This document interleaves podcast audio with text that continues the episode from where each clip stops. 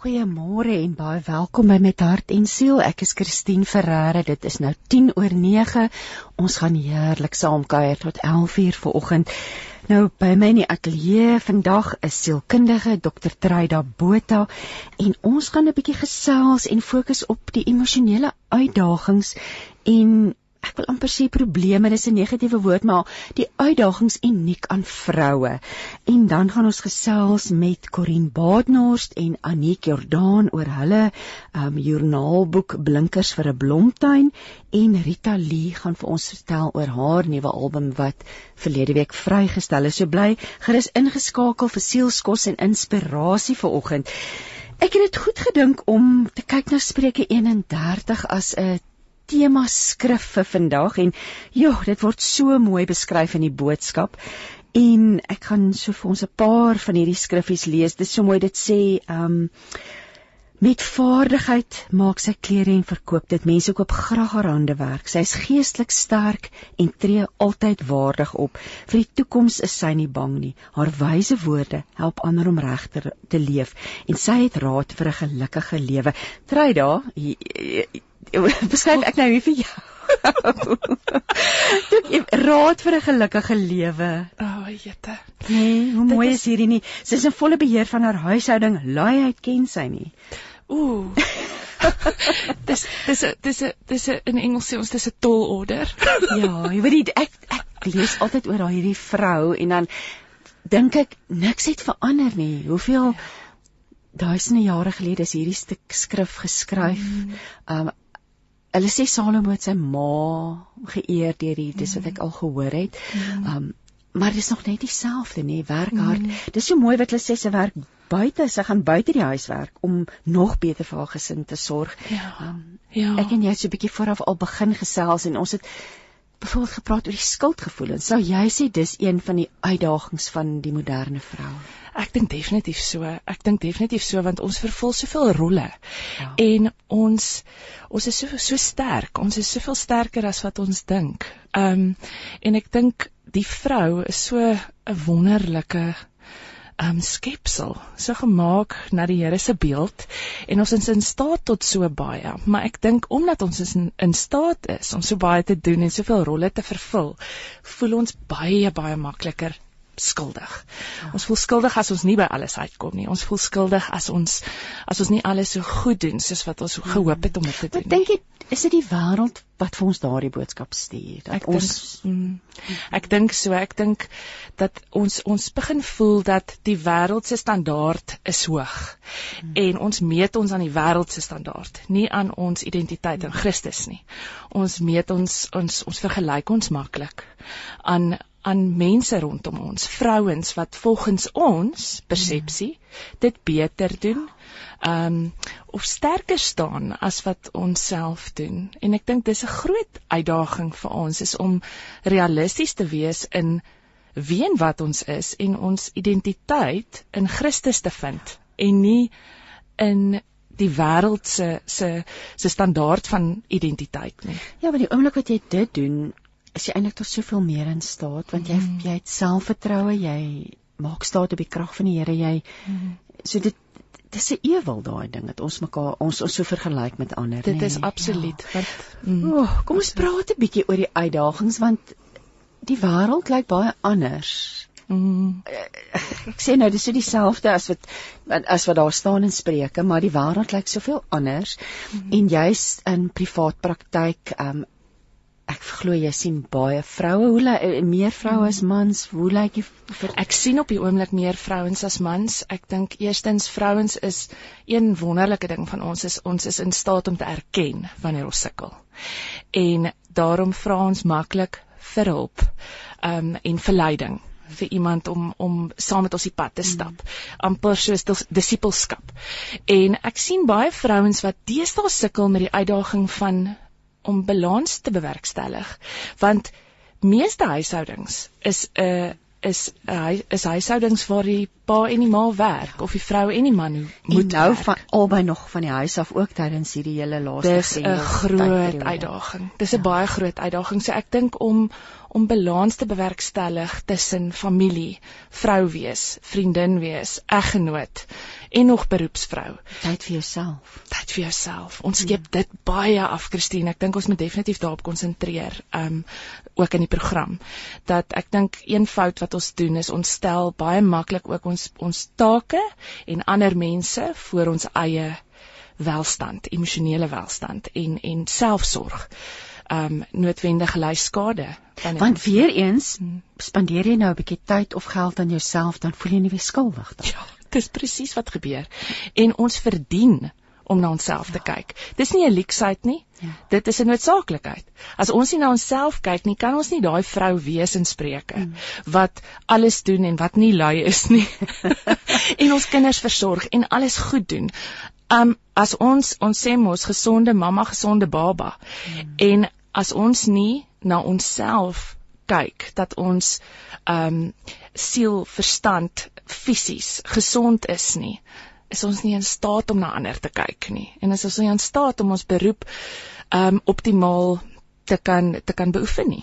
So vrouens het na jou toe kom sal as in die lig van wat waar ons nou gesels, sal hulle byvoorbeeld net sê alles is net vir my te veel. O ja. Is dit dalk die moet die ja. is dit die dryf kom hulle tot breekpunt of amper breekpunt en besef ek moet nou bietjie Absoluut. praat. Ek dink wat ek vind in praktyk op die oomblik is dat veral na laas jaar se inperkingstydperk en um bo menslike uitdagings wat waarmee ons gekonfronteer is wat amper abnormaal is. Um vind ek dat vrouens nou begin sukkel. En hulle kom na my toe en hulle sê ek is oorweldig.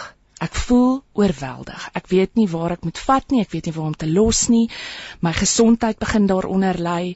Um ek ek ek kom agter dat baie vrouens met angstigheid sukkel en en gevoelens van amper neerslagtigheid. Ek wil dit nog nie depressie noem nie, maar neerslagtigheid en en ek dink oor om oorweldig te voel bring baie keer daardie gemoedsversteurings na vore. Um omdat ons dit doen net ook met baie onsekerheid in ons realiteit op die oomblik. So Ek wil net terwyl ons nou so gesels vir ons luisteraars uitnooi. Jy's natuurlik baie welkom as jy graag eh, 'n uh, vraag aan Trouda wil stel of as jy iets bydra tot die program wil lewer of vir ons 'n kommentaartjie wil stuur. Stuur asseblief ons 'n WhatsApp 082 657 2729. Ons het Telegram, WhatsApp, SMS en nog die aktiwiteitsvloei van Facebook is hier oop voor my. So ons ek nooi jou uitneem deel, vertel vir ons deel jou hart ook vanoggend met ons oor oor hoe jy voel, hoe jy as vrou op die oomblik voel. Ag en as man, ons ons fokus nou so 'n bietjie op vrouens vandag, maar dis maar universele probleme. So daai angstigheid, Ryda, want en natuurlik eh, die onsekerheid rondom die toekoms. Mm. Ek dink dis 'n baie groot uitdaging vir ons want onsekerheid sit ons almal in 'n plek van ehm um, kan nie beplan nie. Ons weet nie. En ons moet ons kinders lei in die onsekerheid.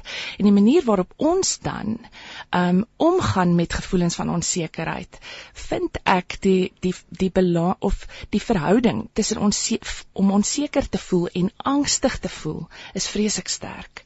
Hmm. Want onsekerheid beteken ons gaan die onbekende tee. Ons loop in die onbekende in.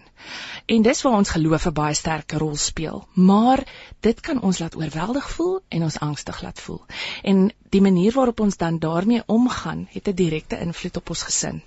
Het 'n direkte invloed op ons kinders, want hulle voel ja, hulle lees jou nie-verbale ehm um, gedrag en hulle hulle voel onsekerheid aan. So dit plaas nog meer druk op ons as vrouens, as ma's, as eggenote.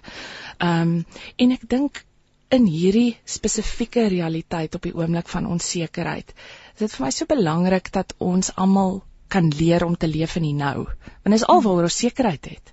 Ons het nie sekerheid oor môre nie. Ons kan nie noodwendige vakansie vir Augustus beplan nie. Al wat ons sekerheid het is nou. Ja.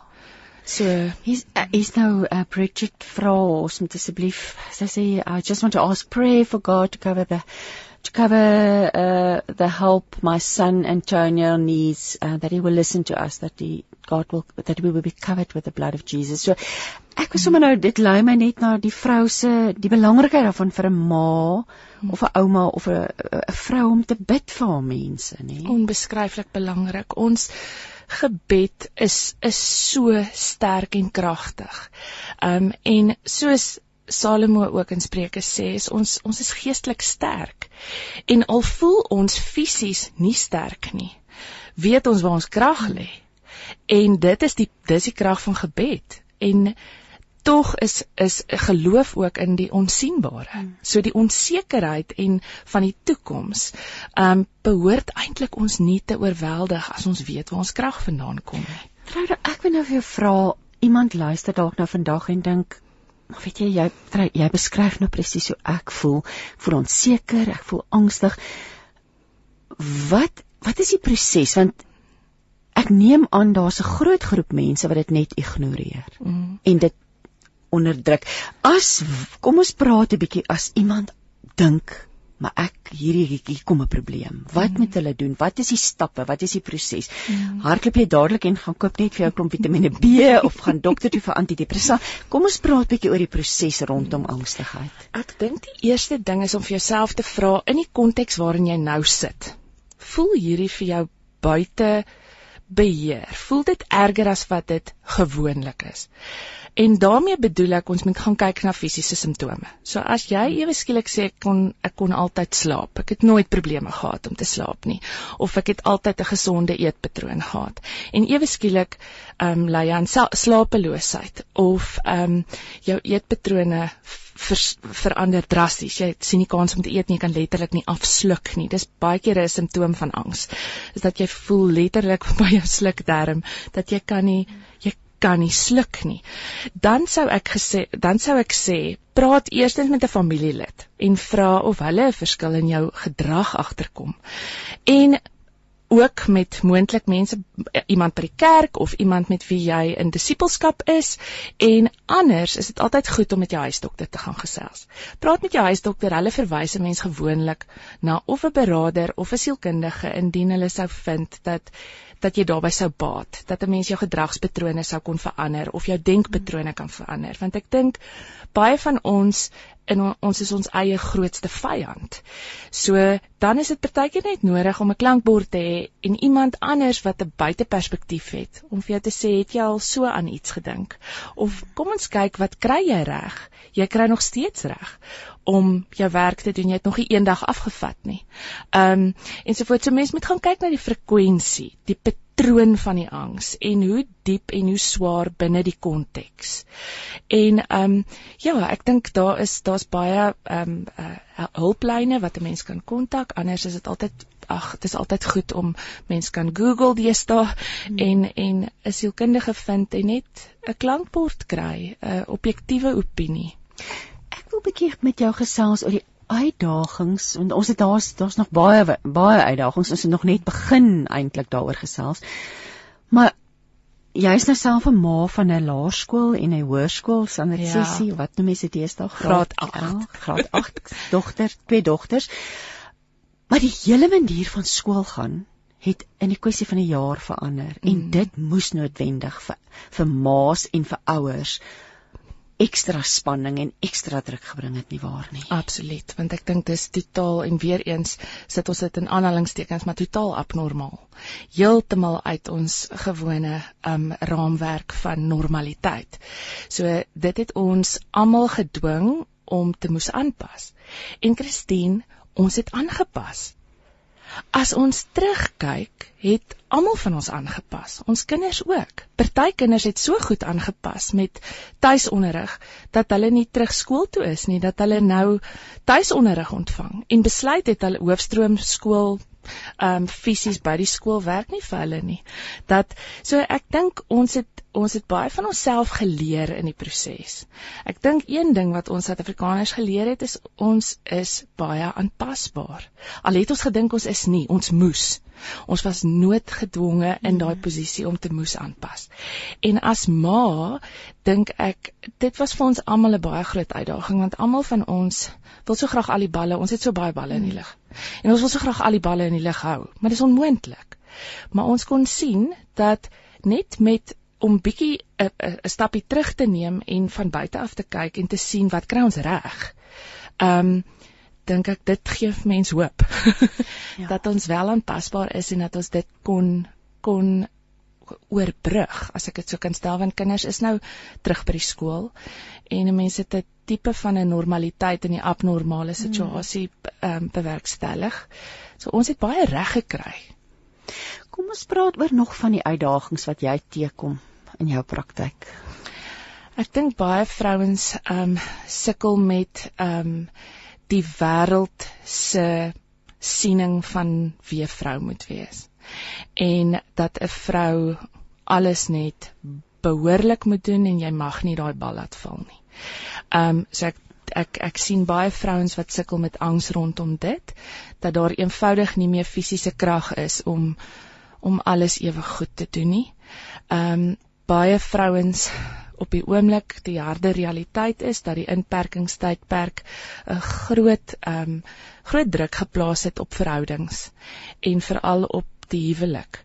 En so op die oomblik is daar baie verhoudingsprobleme waarmee ek te doen het in praktyk. Ehm um, ek dink 'n mens was gewoond daaraan om jou lewe te lei, werk toe te gaan, terug te kom en mekaar minder te sien. en ehm um, jy weet en daardie daardie ding is vir party mense baie lekker geweest om ja. meer kontak met mekaar te hê. Dis nou eh, Leonie Gibbs wat vir ons op Facebook 'n boodskap gestuur het wat sê môre Christine die program beteken altyd so baie. Dit sou wonderlik wees as die program elke week as potgooi beskikbaar kan wees. Hoop daar is so 'n moontlikheid.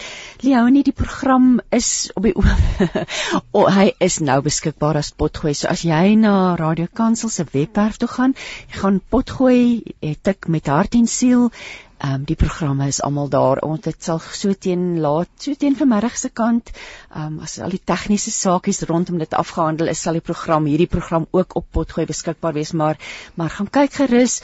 Ehm um, die meeste van Radio Kansel se programme is nou op potgooi beskikbaar. So lekker om van jou te hoor Leonie. Jo, die verhoudingsding trei daar want hmm. dis 'n groot en 'n lang gesprek. Vir, so die, ons het nou genoem die balans. Sy sukkel om balans. Daar's jy jy bevind daar's angstigheid meer ja. as bietjie as tevore eh, verhoudings, die wêreldse siening. Wat is die stand van verhoudings? Wat is die stand van die huwelik as jy moet sê op die oomblik? Was dit was grendeltyd goed, sleg? 'n uh, bietjie van alles. Kom ons praat 'n bietjie oor die oor die vrou se rol in die huwelik en om daarvan 'n sukses te kan maak. Wat moet sy hmm. doen? Die harde realiteit is mense kom sit nie in my bank wanneer dit goed gaan nie. Ja, dis die dilemma nie. So dit van van self sê klaar dat dat daar rooi liggies flikker. Maar ek is so trots op enige iemand wat eerstens kan erken, oeg, ek is uit my diepte hmm. uit. En tweedens dan vir hulp kan kom vra.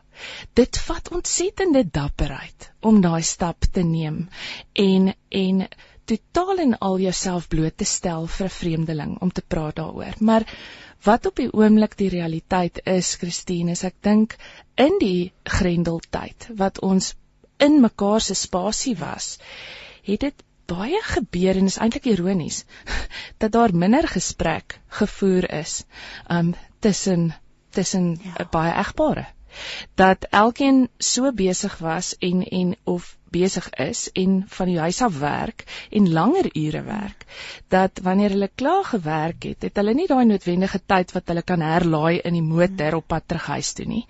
So party mense en ek noem dit net hulle skakel letterlik af. So daar is uitdagings op die huwelik. Party mense het wel hierdie grendeltyd as baie positief ervaar. Um in die huwelik en ook as gesin. Gesin. Ek het 'n vriendin wat sê sy kan sy sy sy het, sy het gesien haar man kan maar aftree. Hulle gaan hulle gaan lekker kan saam bly. As hy nie werk nie. Ja, absoluut. Ek het 'n kliënt gehad die ander dag nou weer wat um, vir my se Engelse kliënt is, dis sê sy I I married him for better or for worse but not for lunch. so dit was nou weer haar uitdaging. Ja, heeltyd daar. Heeltyd daar. Sjoe, so daai konstante maar werk aan 'n mens se huwelik, nê? Nee? Mm. En en en ek dink dit kom neer op op op kommunikasie. Hier's nou 'n baie interessante dit was 2 ure gelede het het, het hierdie boodskap al deurgekom. So dit was vroeg geweest, maar ek dink dit is so van toepassing op ons ge, uh, gesprek vanoggend. Nelani sê, "Help asseblief. Ek weet nie mooi hoe om dit te stel of oor te dra nie. My beker loop oor. Ek weet dit, maar my beker voel dol leeg." Hmm. Ek wat wat sê jy hieroor? Dit is daai daai ding van ehm um, waar mens dit sê vir my sy's geestelik baie sterk. Hmm. Sy al is sy al gaan al gaan Nelani deur 'n verskriklike moeilike tyd moontlik of voel neerslagtig of depressief. Weet sy dat haar beker loop oor want geestelik weet sy waar sy haar krag vandaan kry. It is well with my soul. Ja.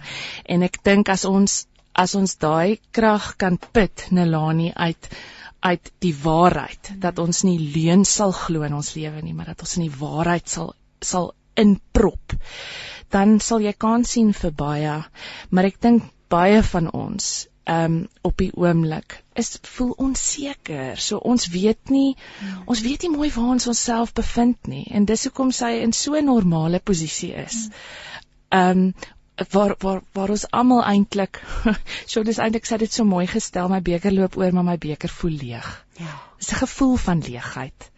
En tog weet jy die waarheid. Ja. Sjoe, dis uitdagende tye. Baie uitdagend. Hier's nou 'n 'n luisteraar wat sê ek luister van Kuruman af en vra vir voorbidding vir my oudste seun vir die gees van onderskeiding sodat hy weet wanneer hy in 'n verkeerde vriendekring sal wees en dat die Here hom sal help om wyse keuses te neem. Mm. Ja. Daai ja, die die die die die, die ja, die druk op 'n ma. Ek weet nie of mense die mm. druk die regte woord is nie, maar jo, ons voel so en ons is, maar ons daai verantwoordelikheidsgevoel oor ons kinders en bekommernis.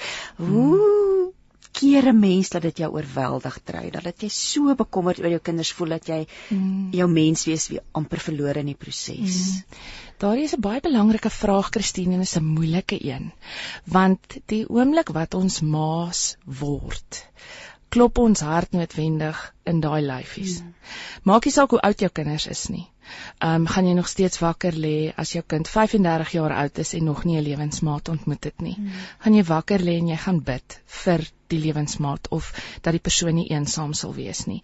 Maar ek dink 'n baie belangrike ding wat hierdie vrou ehm um, opmerk is die die keuse van vriendskappe en daar kom 'n 'n gevoel van hulpeloosheid in as 'n ma want jy kan nie daai keuses vir jou kind gaan maak nie. Maar nou kom ons weer terug by gebed en dat ons die geloof sal hê en dat ons sal bid vir die regte maats. Hmm. Want ehm um, maats in hierdie lewe en ek dink vir ons as vrouens dit is so onbeskryflik belangrik om in kwaliteit vriendskappe te wees. Mense wat jou aanspreeklik kan hou, mense wat jou kan ondersteun in goed en sleg.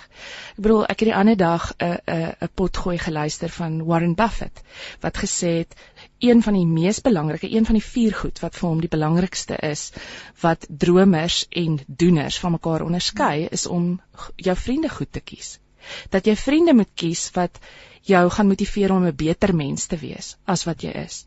En ek dink wat belangrik daar is is om met ons volwasse kinders, ag ons kleinkinders ook, ek weet nie hoe oud is hierdie luisteraar se kind nie, maar om om gesprekke te voer oor wat wat maak 'n vriend 'n goeie vriend wat is rooi vriendskappe, wat is groen vriendskappe vir die kleintjies? Ja.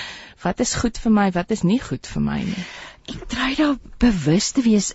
Mense hoor soveel keer dat mense in die appel in die ou dae my maale sou ons nooit net by iemand se huis mm. afgelaai het en nie nee. ingegaan het en geweet het waar kuier ons by wie kuier ons en ek hoor stories van mense wat sê maar weet jy die ouer het die kind net kom aflaai en ons het die maatjie genooi om te kom speel dit is so nou of nee nou, nou dat die grendeltyd so bietjie verslap mm. is um, mm. maar wat is die belangrikheid daarvan om regtig ja, is ons net hoekom doen ons dit? Hoekom stel ons nie so intens belang genoeg belang om wel te weet waar gaan my kind heen, wat doen hulle want dis tog waar probleme ontstaan. O, absoluut. Ek dink ons as ouers het so 'n reuse verantwoordelikheid oor nie net ons kinders se veiligheid nie, maar of fisiese veiligheid nie, maar hulle emosionele veiligheid. Um vir my persoonlik kan ek nie verstaan dat ouers in staat is om dit te doen nie. Ehm um, dit is wel die realiteit. Ek dink dit is ouers wat moontlik dink ek vertrou my kind genoeg um, om te weet waarna toe my kind gaan. Ehm um, maar die realiteit is, die harde realiteit as dit 'n 'n tienerkind is, is daai daardie kind se breinontwikkeling nog nie eers in staat om verantwoordelikheid self te neem of of op 'n op 'n ehm um, hoe kan ek sê ver, goed genoeg vertrou kan word om die onderskeiding te hê tussen tussen wat moontlik reg of verkeerd is nie. So ehm um, as ouers het ons 'n reuse verantwoordelikheid om 'n pad met ons kinders te stap en hulle te ken en te kommunikeer om te agter te kom wie is in hulle lewens, wie is die maats. Nooit die maats huis toe. Nooit die maats se ouers vir 'n koppie koffie voordat die die ouers die kind aflaai. En en nooi eers te huis toe dat jy in jou eie huisgesin sien hoe werk hierdie vriendskap? Wat sien jy? Sien jy jou kind as gelukkig? Is jou kind besig om te floreer in die spasie van hierdie kind? Um, en dit is ons verantwoordelikheid ons God gegeewe verantwoordelikheid om ons kinders te begelei en op die ouend ons bid maar ons het ons het 'n verantwoordelikheid tot ten minste ons kinders 18 is en ons huise verlaat om doelbewuste ehm um, gesprekke met hulle te voer oor oor keuses wat hulle maak. Ek wil nou met jou gesels oor vrouens en hulle lywe. Ons het nou nou mm. geraak aan eet. Ek wil bietjie hê ons moet gesels oor emosionele eetpatrone en bietjie raad rondom vrouens se verhouding met hulle liggame. Mm. O, oh, dit is so 'n belangrike punt, Christine. Die wêreld waarin ons leef plaas soveel verkeerde klem op hoe ons moet lyk en wat aanvaarbaar is en wat nie aanvaarbaar is nie. As ons net kyk op sosiale media en platforms soos Instagram. Ehm um, ons almal se liggaamstipes verskil van mekaar. Dis 'n feit. Ons almal kan nie lyk like uh almal van ons se heupbene kan nie uitsteek nie. Hmm. So eerstens dink ek is dit baie belangrik om te dink wat is realisties en wat is nie realisties nie. Ons lyf op 45 lyk like anders as wat hy op 25 in ons trourokke gelyk het. En ek dink wat hier gebeur is dat ons dit is weer eens dat ons onsself nie deur die deur die lense van Jesus Christus sien nie. Dat ons ons weet ons is pragtig geskape. Ons weet ons is die enigste persoon wat ons kan wees. Ons is 'n tempel van die Heilige Gees. 1 Korintiërs 6 wat vir ons sê dit is hoe ons onsself as lig hoe ons ons liggame moet hanteer. Maar as ons praat oor emosionele eetpatrone, is dit 'n vorm van selfsabotasie. Ons maak onsself seer. En wat ek in praktyk hoor, is dat Baie vrouens sê vir my ek eet emosioneel want kos kan my nie oordeel nie. Sjoe, so dis meer as net troos. Dis, dis baie meer as net troos. Ja. En dit ontwikkel dan in 'n in 'n baie slegte patroon want dit is 'n goeie manier om met stres of angs of depressie of trauma of ja enige iets ehm um, gepaard te gaan nie. Ehm um, ons sien ook dat dat as daar enigsins mishandeling in 'n vrou se lewe was of dit nou emosioneel of fisies of seksueel was dan gebeur dit baie kere dat die die vrou se kop en sy hart se lyf eintlik van mekaar skei. Dat jy in jou kop weet jy wat jy weet dat hierdie is nie goed vir my nie. Maar in jou hart voel jy ek vind troos in 'n manier waarop ek met kos omgaan. En die die vreeslike siklus, die slegte siklus wat dit met ons het, is dan weer selfbeeld gaan af, selfvertroue, ek isoleer, onttrek van sosiale geleenthede af, want ek voel veilig net waar ek nou is en ek wil myself nie enigsins um buite sien of en en en of in 'n posisie laat plaas waar ek menslik geoordeel kan word oor hoe ek lyk nie. Um dis 'n vreeslike komplekse ding om mee te om mee te werk. Maar die eerste ding wat ek vir 'n Christen vrou sal sê, is wie is jy in die Here se oë? Jy's uitverkies. Jy is geliefd. Jy's perfek geskape. Ons is die kroon van die skepping. Ek dink en die oomblik wat ons besef dat ons identiteit lê nie in onsself en in hoe ons lyk nie, maar in wat Christus geskaap het en wat hy vir ons kom doen het. Ehm um, gebeur daar is dit amper asof skille van vrouens se oë afval. Dis nie 'n oornagting nie, Christine, dit is die moeilike ding. Omdat daar patrone gevestig is, is dit nie iets wat oornag ehm um, opgelos gaan word nie. Dis 'n doelbewuste poging van ek stap 'n pad. Ek stap 'n pad met die Here en ek vra die Gees om my te lei in die keuses wat ek maak en selfs die keuse van wat ek gaan eet. So dis 'n dag tot dis al Ja. ek dink die daar's so baie ding daaroor te sê. Die teendeel is ook natuurlik bulimie, anoreksia, Mm. die weerhouding om jouself nie Ja. kos te gun of jy weet. Ja. So dit daai twee kante en en en ja, en amper soos 'n verslawing moet jy om dag vir dag takel om Dis dag vir dag. kies nou om nie Ja. die hele pak koekies op te eet. Dis nie. absoluut dit. En en jy's 100% reg. As ons praat oor van eetsteurnisse, bulimie of of of um, anoreksia of net ooreet, emosionele eet, is dit almal, almal is selfsabotasie. Want ek straf myself. En baie baie kere is die wortel daarvan 'n fisiese seer, 'n fisiese eina, 'n emosionele wond van verwerping of van angstigheid wat dit ook al kan wees. En dan ont, en dan natuurlik as ons praat van wat ek baie kere sien op die oomblik is is bulimie en anoreksia begin ontwikkel hier middelhoërskool omdat hier ons tienerkinders leef op sosiale platforms. Ja. en op Instagram hulle neem byvoorbeeld 2000 selfies en hy hulle kies een om te plaas want hulle moet die perfekte een plaas. En waarin vind hulle hulle identiteit? In die hoeveelheid duimpies wat hulle kry, Ja. die likes. Ag, dit is dan En dit is so ongesond. Ehm um, en dit is waar hulle dan sê maar ek ontneem myself van kos. ja. Ehm um, en op die ouend is dit ook dis 'n uiters ongesonde manier om om met emosionele wonde um, om te gaan omdat jy jouself eintlik seerder maak in die proses, maar jy maak ook die Here seer. Hier's nou Jacqueline wat vir ons 'n lekker lang WhatsApp gestuur het om te sê goeiemôre Christine en kuiergas. Ek sê enkel ma van 4, ek doen tuisonderrig, ek werk nie. Ek het so vir 3 jaar in die middag gewerk tot 6 uur en dit alles het ek die volgende geleer. En sy sê ek kan nie by alles uitkom volgens ander se skedule, roetine en bepaalde tye nie, nee. Dis nogal Oh, kosbaar. So, Moenie ja. volgens die ander mense leef. Ek het die juk van ander se manier van leef afgegooi deur die salwing van die Heilige Gees. Ek doen net dit wat op my pad kom vandag. Ehm um, solank my kinders se emosionele en geestelike gesondheid uh in stand gehou word. Dit is vir my belangrik. Dit is wonderlike goed wat oh. Jolien vir ons sê. As dit beteken skool is stadiger, huis is nie elke dag gevee skoon nie, dan is dit maar seef. So ons leef en dis genoeg. En sy het gesê da, ek het geleer daar is nie me, uh, me time wanneer daar 'n seisoen van kinders is nie. Ja. Daar is wel him time.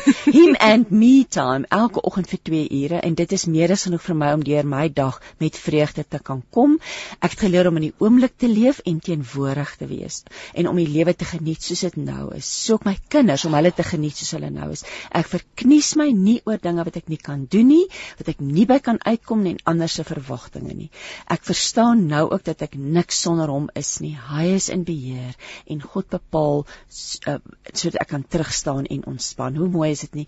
Sy sê, ehm um, ek kan soos die man in die Ratatouille fliek sê, surprise me. Dit is soms angswekkend, daar is soms pyn en teleurstelling en onvoorsiene omstandighede, maar God is my anker en sal altyd alles goed of sleg ten goeie laat meewerk tot ons emosionele en geestelike groei om dit te bevorder.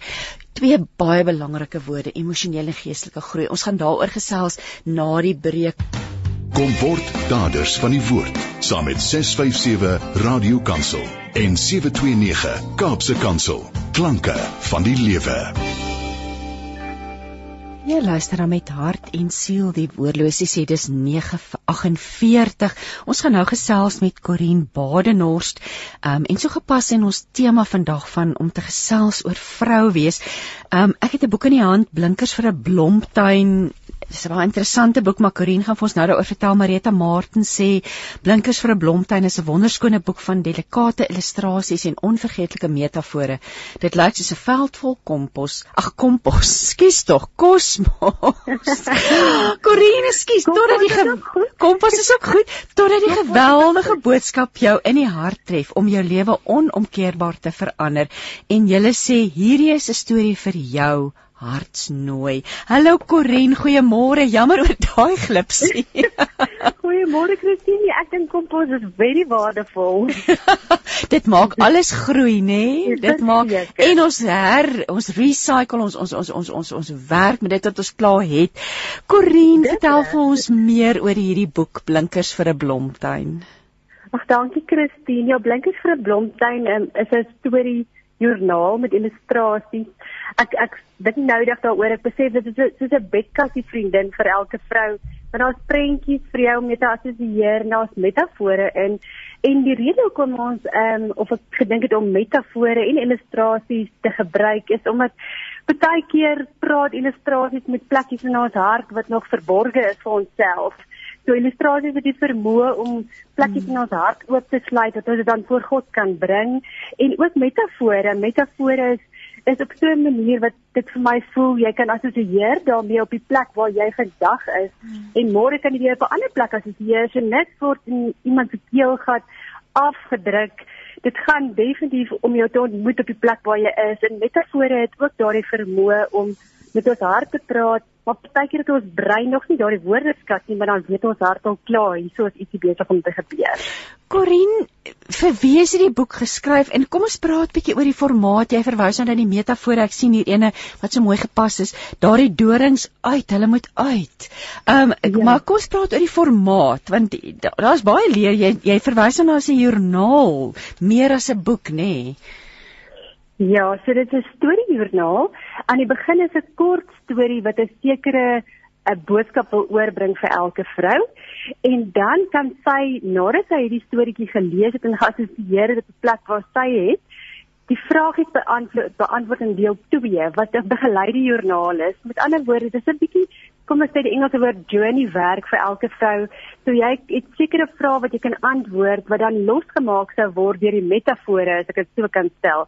So jy kan dan die vragies beantwoord in deel 2 en in deel 3 nadat jy die liedjie geluister het dalk wat dan nie vir jou geskryf het en sing, dit word beskikbaar um, op ons platform. Dan kan jy God se lied oor jou net uitskryf presies soos jy jy sou gedoen het in jou joernaal, maar daar's twee dele in die joernaal deel, 'n begeleide deel, maar ook 'n vry vry deel om net te skryf wat jy voel. O, oh, Corinne, hierdie boek is propvol boodskappe vir vroue. Ehm um, uh, ja. ek wil nou vir jou vra en wat vir my lekker is, ek hou van die interaktiwiteit daarvan dat jy kan ja, dis dit is 'n hele proses, maar wat sou jy sê is is is van die belangrikste boodskappe wat in hierdie boek voorkom wat jy sal wil uitlig vandag? Yes, nou Christine, wat ek sou dink en ek dink waaroor dit vir my ook in my lewe gegaan het, ek dink baie keer is ons so geneig om ons waarde rondom ons te soek, om dalk 'n stukkie van week is te probeer kry in 'n tydskrif of of in 'n nuwe mode of in 'n opinie van iemand anders of dit wat ek bereik het. Maar op die einde van die dag sou ek graag vir vrouens wil aanmoedig dat daar binne in jou het God 'n stukkie hemel gebeere. 'n Spesifieke stukkie hemel het hy in elkeen van ons gebeere wat anders lyk en ons gaan dit nie in die buitewêreld kry nie. Ons kan daai gaan soek deur joernaalwerk en metafore in ons binnekant en as ons dit dan nou kry dan bedien ons die wêreld daarmee. Nou die probleem is om buite te gaan soek dan mis ons eintlik die die, die dingetjie wat die skat van die hemel wat in jou is. So dit is vir my die hoofdoel baie keer deur trauma of verlies of hartseer of um onafgehandelde sake of konflikte is dit soos doringkies wat om daai skat begin uh, dit dit hou eintlik wag vir daai skat as ek so kan sê ja. en dan is dit baie keer 'n proses om bietjie deur jou lewenslyn te kyk en die doringkies uit te haal want agter daardie doring lê daar regtig 'n stuk hemel wat vir jou wag Jy's 'n arbeidsterapeut van beroep. Hoe het dit gekom dat jy die boek geskryf het? Ja, ek is 'n arbeidsterapeut. Ek het ongeveer 15 jaar groepterapie gedoen in 'n stres en depressie kliniek waar ek ehm um, groepterapie sessies gedoen het wat mense gehelp het om emosionele intelligensie te ontwikkel, stres te hanteer, verbonde selfbeeld en 'n bietjie te koester. So ek is van beroep iemand wat groepterapie gedoen het en ek het ook toe nou gesien maar gister met my eie my eie my eie hart 'n bietjie versorg. So dit was eintlik 'n kombinasie dan dit is 'n tipe werk wat ek gedoen het as arbeidsterapeut en dit is waar deel 2 inkom. Die tipe vrae wat daar gevra het is vrae wat um, mense gebruik om die binnekant buitekant te bring. Dit wat in jou binnekant lê net bietjie meer te lê op papier. So uh, dit is hoe die twee bymekaar gekom het, sou ek dink. Jy, jy gebruik 'n term in die boek agterin wat jy bietjie skryf oor die boek wat vir my absoluut treffend is en dit jy praat van die verarming in die menswees van elke vrou. Ja, kom ons praat net so 'n bietjie daaroor. Wat wat wat is jou waarneming rondom dit? Ek dink ons word gereduseer tot ek wil amper sê populêre opinie van vrou wees. Ehm um, as ek dit verder kan verduidelik van dit is hoe 'n vrou moet lyk like en moet moet wees, dan dink ek word ons amper al van boksies gesit om ja. om om te probeer inpas en inskakel in die hoofstroom in in die koers van my lewe besig gestaan. En ek dink ek dink ons almal voel 'n stukkie ongemak in ons binnekant en ek ja. dink ons almal voel daar's iets groter in ons binnekant wat wil uitroep en sê nee hierdie is ek wie ek eintlik is en hierdie is wat ek gekom het om te wees op die aarde en dit is wat die hemel en die aarde van kan vaskloop. Ek dink wanneer ons net inval in die die populêre opinie stroom van dit is wat 'n vrou moet lyk like en wees, dan mis ons ek dink ons groot punt op die aarde. Die titel van die boek, dis dis nogal treffend. Blinkers vir 'n blomtuin. Wat vertel ons iets oor die titel asseblief? Die blinkers, ons het eendag Johannesburg toe gevlieg en 'n um, weerligheid die aarde getref en en dit noem dit 'n verskynsel, maar dit is so groot ligbal het gevorm toe die hemel en die aarde raak. En hierdie ding het by my gebly. En ehm um, vir my is blinkers meer as as daai 'n botteltjie. Vir my is dit ja. die plek waar die hemel en die aarde raak binne in jou siel. Daar waar God met jou verwonding kan kan ek amper sê en um, die hemel daarin bring, die koninkryk bring en daar 'n stukkie van jou. Dit is wanneer die lig weer begin uit my binnekant skyn en ek weer met hoop en met blinkers in my oë na die wêreld kan begin kyk. So die blink beteken vir my iets wat gebeur in jou wat wat wat amper 'n verruil transaksie tussen hemel en jou verwonding is, as ek so kan sê. En ehm um, dit is die ding wat jy dan kan deel sonder dat jy eintlik weet jy deel. Want as dit in jou verander verander dit in jou omgewing om jou ook mm. want dit is die blinkers wat jy dan begin deel onbewustelik en die blomtuin is daar waar ons 'n plant in die lewe dit in die, in die harte van mense en ons eie harte en omstandighede. Ehm um, dat blomtuin is, is is die siel van die vrou waar ons dan hierdie skatte van die hemel beginne plant as ek so kan sê vir die wêreld om te oes. So dit is vreeslik metafories en ek dink elkeen lees dit en jy sal dalk vandag so assosieer met dit en môre op 'n ander manier ja. assosieer met dit maar dit is die doel van dit. Dit metafore is altyd vir my so 'n bietjie soos 'n 'n lewende steentjie wat in Openbaring sê dit groei in jou karakter en môre verander dit verstaan jy dit in 'n ander dimensie diepte en, en dit is my hoop daarmee. Ek hou van jy gebruik die woord diepte want ek dink dis wat hierdie boek diep bied nê nee, vir vir vir enige vrou wat soos jy sê wat voel dalk is ek 'n bietjie verarm in my menswees dalk het ek verloor of of dalk weet ek nie meer wie ek is nie om net te gaan sit met hierdie boek ja. en soos en en en dit is dit die, die boek lees maklik lekker dis pragtig daar's beautiful illustrasies ons gaan nou nou met Aniek gesels wat die illustrasies gedoen het maar jo ek wil julle gelukwens met hierdie boek en en ons gaan nou nou met met Aniek ook gesels maar Corin waar kan mense nou hierdie boek in die hande kry Ag dankie Christine. Ehm um, hulle kan dit um, op ons web winkel kry op hierdie stadium. Die webwinkel is www.blinkerboom.co.za. Ek gaan dit net herhaal. Uh, as jy belangstel om hierdie boek in die hande te kry, kan jy kyk uh, op die webwerf. Sê net weer vir ons blink blinker boek. Blinkerboom Blinkerboom. Ek het gedog ek het boom gehoor, maar ek kyk nou hier agter op die boom. ja. Ja, blinkerboom.co.za. En jy kan ook 'n e-pos stuur aan blinkerboek@gmail.com ja. as jy hierdie regtig uitsonderlike boek, joernaalboek wat wat afskop met met met 'n verhaal met met metafore en vir jou gaan lei na 'n plek waar jy dieper met die Here ook 'n koneksie maak, nê? Nee. Ja, verseker. Ag Corin, ek wil nou ook vir jou net vra so ter allerlaaste vragie. Wat wil jy graag persoonlik deur hierdie boek bereik? Ek sien voorin skryf julle ehm um, Corin en Aniek want ons is gebore vir 'n tyd soos die en so is jy. Hou dit verband. Wat wil jy graag deur hierdie boek bereik? In my eie lewe dink ek vir ek altyd as ek net die Engelse woord um, kan gebruik, as ek daarna kyk, dan onthou ek ek wil true wees tot tot my storie. Ek wil ehm um, en ek wil graag mense wil aanmoedig om true te wees tot hulle storie want dis presies die storie wat die aarde kort. Ja, daai egtheid en daar lê so vir my hele verwys baie na die kosmosvelde. Daar lê iets eg daarin ook nê in 'n veld vol ja. kosmos en Corin ja. baie seën en sterkte vir julle en en en mag hierdie boek baie harte aanraak en lewens verander. Baie baie dankie Christine, ek waardeer dit vreeslik. Voordat ons nou Aniek gesels, uh uh Treda, ek uh, trei dokter Treda Botas hier by my in die ateljee, sielkundige van Centurion. Um hier's nou 'n vraag, iemand sê hier's 'n hele paar, maar ek dink ek wil graag ekskuus tog verskoon my. Um oplossing vir bulimie. Mm -hmm. Um bulimie is 'n baie komplekse um diagnose. Um my professionele advies sal wees dat um daar uitgereik word na 'n kliniese sielkundige wat spesifiek met eetsteurnisse werk, want kli daardie kliniese sielkundige sal ook werk met 'n dieetkundige wat kliniese werk doen. So dis 'n spanpoging.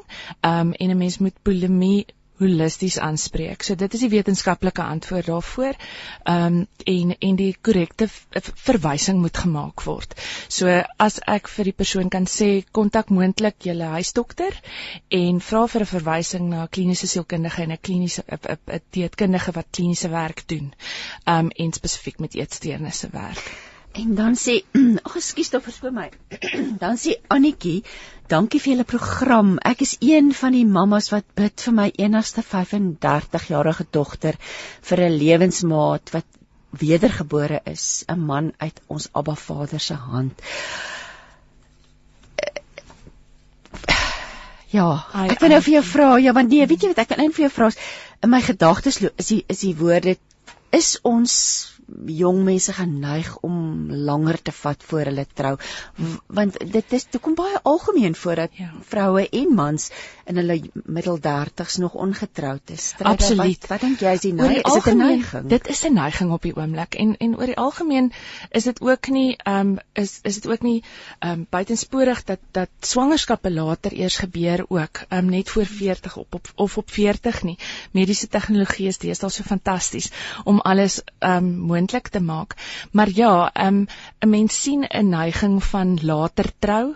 Ek weet nie of dit 'n kwessie is van ons wil eers ons beroep bevestig en hmm. eie voete vind en moontlik reis en dinge afhandel wat wat ons graag in ons lewe wou doen voordat ons daai groot stap neem nie.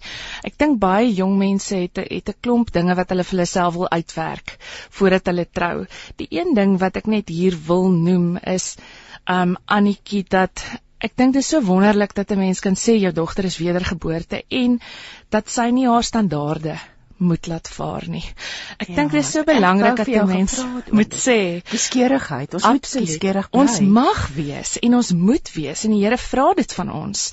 Is spesifiek gee jou lysie, sit dit voor by sy voete neer en hy gaan as hy nie dit vir jou gaan gee nie, gaan hy iets beter vir jou hê. En en daardie gerusstelling is nie noodwendig altyd wat ons wil hoor nie want sy wat hy dink goed is vir ons is nie noodwendig dan 'n lewensmaat voor 40 of voor 50 nie. Moontlik is dit nie 'n lewensmaat nie, maar dat ons sal berusting vind in wat hy voel vir ons die beste ja. gaan wees. Doanda het ook vir ons op WhatsApp gestuur. Sy sê ek bid ook vir 'n maat vir my kind. Ek weet daar is iemand, maar ek wil nie hy moet selfvertroue probleme of selfvertroue issues is die woord wat sy gebruik. Mm. Jo, so dis selfvertroue ook by mans nê, nee, dat mm. ons ons en en dat 'n mens 'n goddelike man sal wil trou en dit is 'n mens se wens vir jou kind mm. is dat hulle geestelik op dieselfde op dieselfde bladsy sal wees en indien nie dat die Here sal werk in sy hart. Um en dat ons as vrouens nooit sal ophou bid nie. Nie sal ophou bid vir ons mans nie. Kom ons gesels, ons het nou vir Aniek Jordaan op die lyn en, en, en Aniek was uh, ook betrokke by Blinkers vir 'n Blomtuin. Môre Aniek. Hallo julle, ek luister lekker.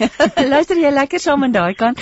Hoorie, ja. wat 'n heerlike gesprek. Dis ek dink dit is so goed vir ons om bietjie te praat oor hierdie dinge wat ons as vrouens pla wat ons nie noodwendig altyd 'n platform het om oor te praat nie. Maar Aniek in hierdie boek gee julle 'n vrou die geleentheid om 'n bietjie te gaan delf in haar menswees, om te herontdek wie sy is. Jy's 'n musikant van beroep nie waar nie? Ja, ek is of ek was, voel ek vir my op die oomblik. Maar vertel ons net so 'n bietjie meer oor jouself dan en hoe jy betrokke geraak het by Blinkers vir 'n Blomtuin. Ehm um, ja, ek sing eintlik in die musiekgroep Kaleidoskoop. Dit was my ehm um, dit was my beroep voordat ons lockdown gehad het ehm um, verlede jaar. Ja. En dis eintlik so 'n mooi storie Blinkers vir 'n Blomtuin dat ek en Corinne mekaar omtrent nog net twee of drie keer in lewende lywe gesien het, maar ons het hierdie boek saam gedoen. Ehm um, Ons het uh ja, ons het in lockdown het ek by my ouers gaan bly op die plaas en daar's 'n paar vriende ehm um, wat geweet het ek hou van waterverf doen en hulle het my toe gevra om ehm um, soos hulle die ou het my gevra om sy motorfiets vir hom te teken op 'n stuk waterverfpapier en ek het dit toe begin doen en toe meer en meer mense my gevra en ek dink Corine dit toe raak gesien. En toe vra sy vir my hoorie wil jy nie betrokke wees en wil jy nie my boek vir my illustreer waarmee ek besig is nie? En toe ek die boek lees, dis ek dadelik geïnspireerd om um, om vir haar die sketse te doen. En ek dink ja, dit was absoluut net 'n 'n seën van die Here af om om die projek te kan doen want op daai stadium mag ons glad nie um, vertonings gehou het ja. of of enige iets nie. So ja, dit is dit is hoe ek betrokke geraak het. Eh, vertel 'n bietjie oor jou inspirasie rondom die illustrasie self. Ag, hy's 'n pragtige vrou met so goue romp en haar hande uitgestrek na bo. 'n Ligtoring. Ek hou baie van die dis amper 'n buitelyn van 'n vrou se se kop en dan in die binnekant daar waar die brein amper moet sit is al hierdie pragtige blomme. Wat het in jou hart gebeur terwyl jy die die illustrasie spesifiek vir die boek gemaak het? Ek het ehm um, dis nou so mooi dat jy sê jy hou van die vrou met die goue rok want my pa is nogal so grapjas en dit hy vir my die vrou straal worship uit haar hande uit soos belofprysing skyn uit haar hande uit in die vorm van geel sulke blerse wat so gaan na bo. My pa vra vir my het sy eie stukkend gedruk in haar hande. Ek dink ek nie wag hierdie boek is dalk nie vir my pa bedoel nie. Maar in geval die die, die inspirasie het nog gekom met die Heilige Gees. Ek moet sê toe ek daai blomme begin verf in die brein, toe kan ek amper nie glo ek verf sulke mooi blomme nie. So ek sê ek dink ek sê agter in die boek erns dat God nie net die stuurwiel kan oorvat nie, hy kan ook die kwas by jou oorvat. Ehm um, ek is definitief nie opgelei in waterverf nie. Ek is glad nie ehm um, ek kan almal vra wil jy nie lesse aanbied nie dan sê ek so ek kort lesse ek kan nie lesse aanbied nie so dit was regtig ietsie wat in my hart ehm um, gister het rondom om God te kan ehm um, ja soos loof en prys en mm. daardeur genesing te kan kry vir vir dit wat in ons brein aangaan amper dat dit die dorings en en mm. slegte gedagtes wat in jou brein is kan omgesit word in in lofprysing en aanbidding en dankbaarheid en net al daai mooi goeders wat hy wat hy vir ons in sy stoorkamer het, dat dit in jou brein 'n tuin vorm. Nou, Annie, wat, wat vir my so mooi is wat jy skryf ook agter in die boek is hierdie boek is eintlik gebore in 'n winterseisoen vir jou of hierdie jou bydra tot hierdie boek. So dit dit, dit jy kom vanuit 'n plek van dit was onseker en seer en jou die mat was onder jou uitgeruk. So kom ons praat 'n bietjie daaroor om so van die winter dan te kan beweeg in die lente in. Ja, definitief. Dit was 'n dit was 'n baie onseker tyd vir ons gewees. Um, ons het nie geweet um, gaan ons ooit weer vertonings kan doen nie. Hoe lank gaan hierdie lockdown nou gebeur en waar gaan ons se geldjie kry en hoe gaan ons maak en ehm um, net regtig om die Here se voorsiening in dit in dit ook raak te sien ek dink ook 'n groot inspirasie vir daai vrou wat wat so lofprysing aan en en aanbid die die skets was in daai tyd het ek ook betrokke geraak by ehm um, Worship South Africa dit, wat ons elke aand ehm um, gehoorship het op aanlyn op Facebook en dan kon mense dit kyk en ehm um, toe later ook elke uur van die dag. En ek dink dit het ook baie goeders in my hart gestuur net om al is dit hoe donker, al is dit hoe winterkoud, dit voel of jy nie kan sien voor jou nie. Maar om te weet as ons die Here loof en prys en as ons net ons vertroue in hom sit dan dan weet ons die lente gaan weer aanbreek, dan weet ons die son skyn nog eintlik heeltyd oor ons. Daar's net 'n wolk of 'n ding in die pad. Ehm um, ek of daai doring die doringdraad om jou want daar's ook 'n illustrasie van hierdie selfde vrou maar met doringdraad amper om haar kop nê. Daai dit keer ons ook partykeer om daai mooi raak te sien. Verseker, die dinge wat van buite afkom en dit is nou maar presies wat hierdie lockdown aan ons gedoen het. Is dit dit sit 'n doringdraad om ons mooi gedagtes om vir te sê jy mag nie uit nie, jy mag nie dit nie, jy kan nie dit nie. Dit lyk dit lyk en lyk en lyk so maar binne in ons weet ons hoe dit eintlik is want ons dien 'n almagtige God. Ek wil vir jou vra en, en en dit verwys ook weer na Truida en ons sit hier in die ateljee en gesels oor identiteit. Jy verwys na jouself as bowenal 'n dogter van die koning. Wat beteken dit vir jou? Sjoe, dit dis eintlik maar 'n riglyn vir vir 'n mens se hele lewe. En dis ietsie waarmee ek ook gesukkel het, veral omdat 'n mens 'n musikant is dis nogals een van die beroepe waar jy baie erkenning kry vir dit wat jy doen. Ek ek voel nie daar is mense wat sê maar 'n boekhouer is en dan klap mense na elke sommetjie vir jou hande nie. Ehm um, ja. Dit is dit is nogals 'n beroep waar jy jy kry baie erkenning, maar as jy jouself oopmaak daarvoor, dan maak jy jouself ook oop vir kritiek. En ehm um, vir die vyand om te kom lieg vir jou en te kom ja, leuen saai hmm. oor jou identiteit en dat dit is al wat jy is. Jy is net 'n sanger. As jy nie kan sing nie, is jy niks. Hmm. En ek dink dit is ook iets wat die Here aangespreek het in lockdown. Ehm um, en daai tyd wat ek kon doen wat ek gedink het ek weet ek weet hoe om hierdie te doen, so dit is hoe ek die koninkryk bou. Toe die Here daai alles kom shatter en net vir my gewys maar dit is nie al wat jy is nie. Jy is 'n dogter van die koning. En dit is 'n riglyn vir my om om hoe om myself te gedra om myself te dra in in die publiek as jy kritiek kry of as jy moeilike situasies moet hanteer of as jy dalk ja, gesondig het of of gefaal het in een of ander manier hoe om daai kroon op jou kop te hou want jy weet dit is jou identiteit om 'n dogter van die koning te wees. Ehm um, as jy ietsie verkeerd doen of as iemand iets oor jou sê dan maak dit jou nie minder 'n dogter van die koning nie. Dit rig jou net weer op 'n plek waar jy kan sê, maar weet jy wat, 'n dogter van die koning hoef nie so hieroor te dink nie of 'n dogter van die koning hoef nie so op te tree nie of oh ek het nou 'n fout gemaak. Ek kan net na my pa toe hardloop. Hy is almagtig. Hy is die koning so hy kan dit regmaak.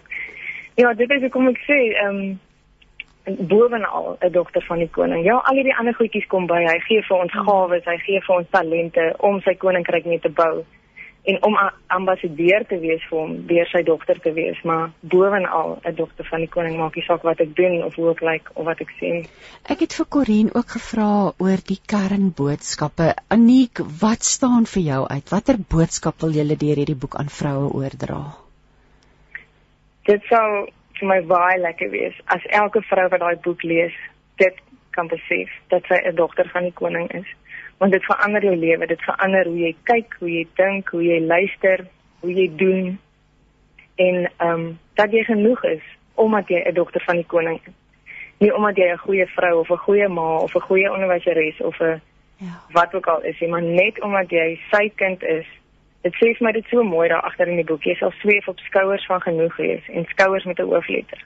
Hmm. So as ons so 'n kind op sy skouers sit, dan dan is ons genoeg want hy is onder ons en hy dra ons maak nie saak wat nie ag Aniek verskriklik dankie ook vir jou bydrae en joh mag die Here hierdie boek seën en soos ek vir Corin gesê het mag dit baie harte aanraak en lewens verander en en op die manier die wêreld verander nê nee? want dis waarvoor ons geroep is. Amen. Ja, ja nee verseker baie dankie vir die geleentheid. Ag baie dankie Aniek en ek herhaal net dis aan blinkers vir 'n blomtuin Dis 'n joernaalboek uh deur Corin Badenhorst en illustrasies deur Aniek Jordaan. Jy kan dit kry. Uh gaan kyk op die webwerf www.blinkerboom.co.za of stuur 'n e-pos aan blinkerboek @gmail.com. Ons gesels oor vrou wees, die uitdagings, die vreugde. Um ja, dit is my mooi wat Corin wat sê die verarming van ons mens wees wat so gebeur nê, nee, terwyl daar ons is so besig om ma te wees, vrou te wees, om alles te doen wat ons moet doen nê, dat ons ons mens wees nalat. Dis nou ook 'n 'n WhatsApp van Ina Matee wat sê Sy sê my dogter maak nie maklik vriende nie en sy het haar een een een een een en enigste godsvreesende vriendin verloor en is eensaam.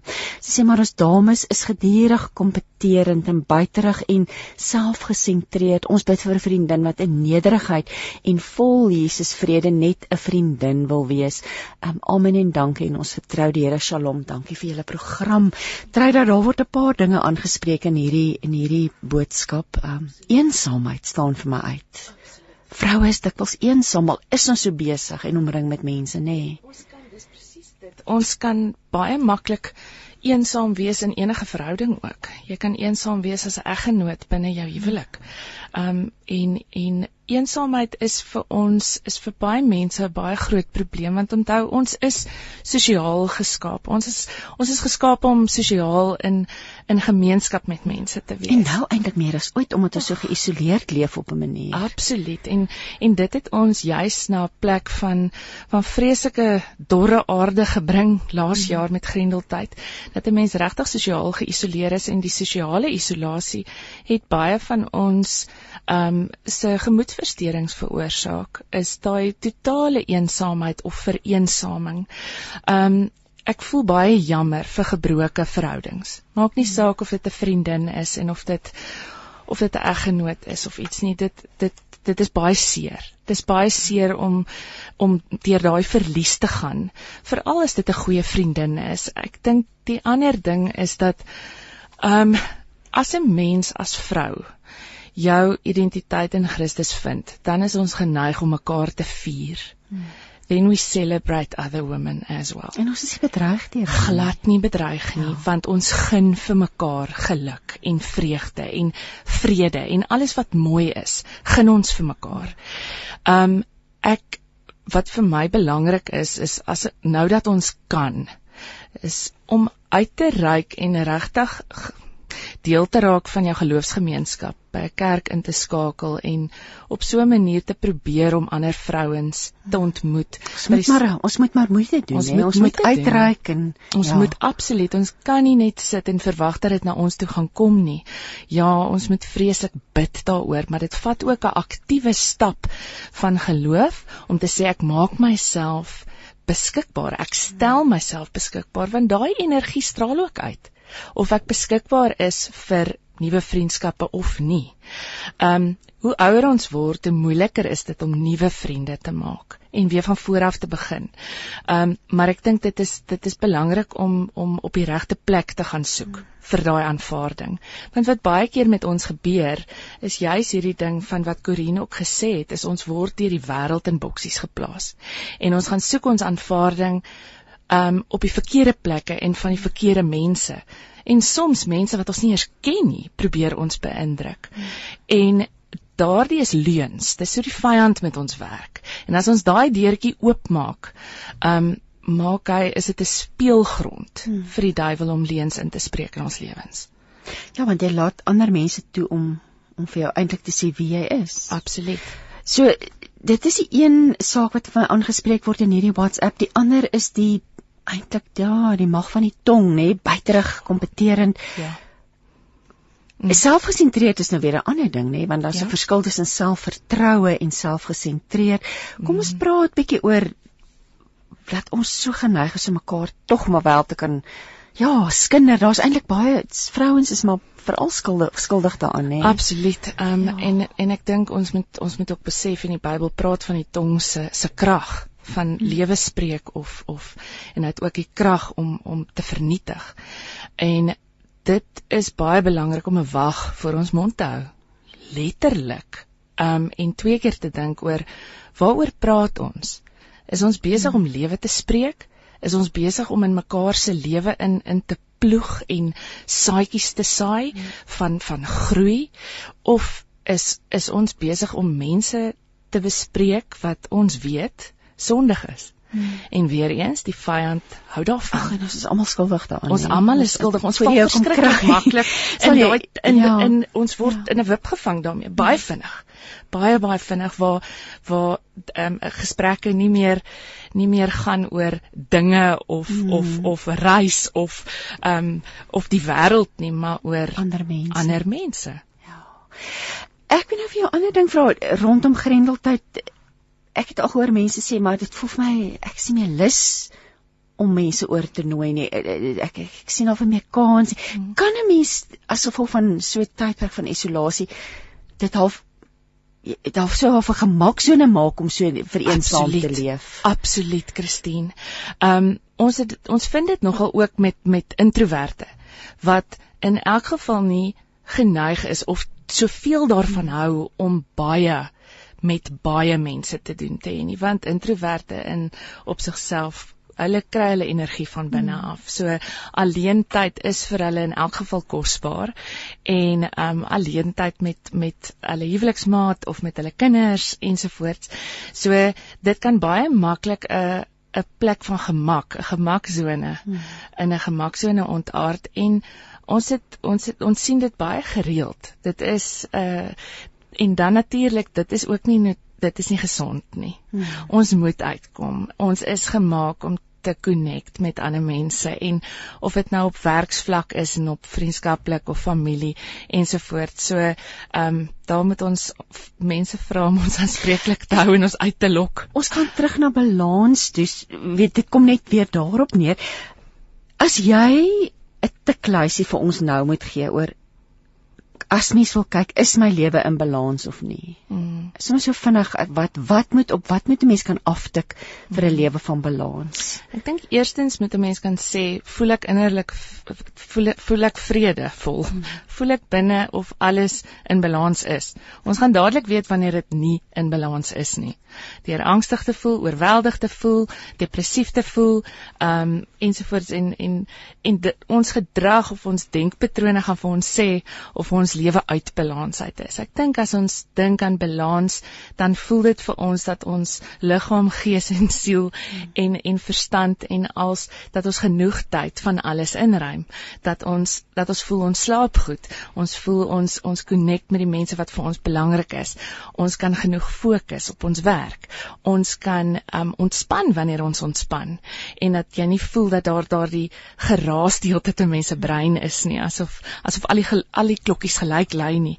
Um so 'n mens gaan in die oomblik kan wees en die oomblik kan geniet. Ek dink is ook- Jacqueline, jy het met Jacqueline se ons wou Ja. nog 'n kommentaar gelewer dit weer oor Jacqueline se se wonderlike WhatsApp. Absoluut. Ek is Jacqueline, ek ek staan in in in I'm in awe van hoe jy dit reg kry om daai balans te te ehm um, te hoe kan ek sê te kan te kan uitleef in jou lewe veral as 'n as 'n enkel ma. Maar ek dink dis baie belangrik daar waar jy ook genoem het dat 'n mens in die oomblik kan leef. As ons balans in ons lewe het dan weet ons dat as ons in die oomblik leef is ons daar. Ons is teenwoordig. En en da, dit is vir ons altyd 'n teken. As ons in 'n as ons koffie drink as jy koffie drink met 'n vriendin en jy die hele tyd in jou agterkop dink ooh werk ek moet nog dit ek moet nog dat dan dan weet ons iets is uit balans uit. Ehm um, en ja so ek dink dit is maar die die list is toets jouself. Oor hoe rustig voel jy binne? Hoe content voel jy? Is dit ek dink dis dalk iets wat 'n mens gereeld moet doen. absoluut Dat jy amper moet sê, maar weet jy, miskien op 'n Sondag aand as ek in die bed lê net voor ek in die slaap raak, net seker te maak alles is okay. It is Ja. well with my soul. Mm. Um, jy weet dan anders storm ons voort en op 'n dag stort alles in daai. Ek dink dis baie belangrik, Ja, Christine. ja. Ek dink dit is 'n daaglikse oefening wat ons vir onsself moet doen. Um en ook ek dink om dit te kan doen in die lewe waar ons vandag leef. Is dit is dit maar belangrik vir ons vrouens om te beplan. Hmm. En ons moet doelbewus tyd met die Here in ons beplanning insit vir die week. Ons moet ons moet 'n 'n koffieafspraak met 'n maatjie met ons in ons dagboek insit. Hmm. En want vandag se lewe vra dit van ons ons word te vinnig onkant gevang en as dit nie in ons dagboek is nie, dan gebeur dit nie.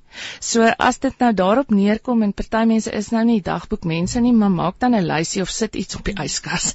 Maar dit is belangrik om 'n blokkie vir alles te hê elke dag um, om daai balans te verein te En te wat ook so mooi is wat Jacqueline gesê het is haar ek tyd is tyd saam met die Here. Ja. Dis kosbaar. Absoluut en sy het gesê ek dink uh, Jacqueline jy het iets gesê van um, daar bestaan nie iets soos me time wanneer haar kinders betrokke is nie maar dis me and he, his time. Mm. So ek dink daardie is genoeg Ja. me time en dit is dit tel onder selfsorg. En ons het aan die begin van die program gesê selfsorg is vir ons vrouens onbeskryflik belangrik. Dit is nie 'n leksheid nie, dis 'n noodsaaklikheid. En selfsorg, onder selfsorg vir my is die eerste ding is om tyd met die Here te spandeer. Om om daar jou siel se se heel word te kan te gaan beleef want daar word waarheid ingespreek in jou lewe.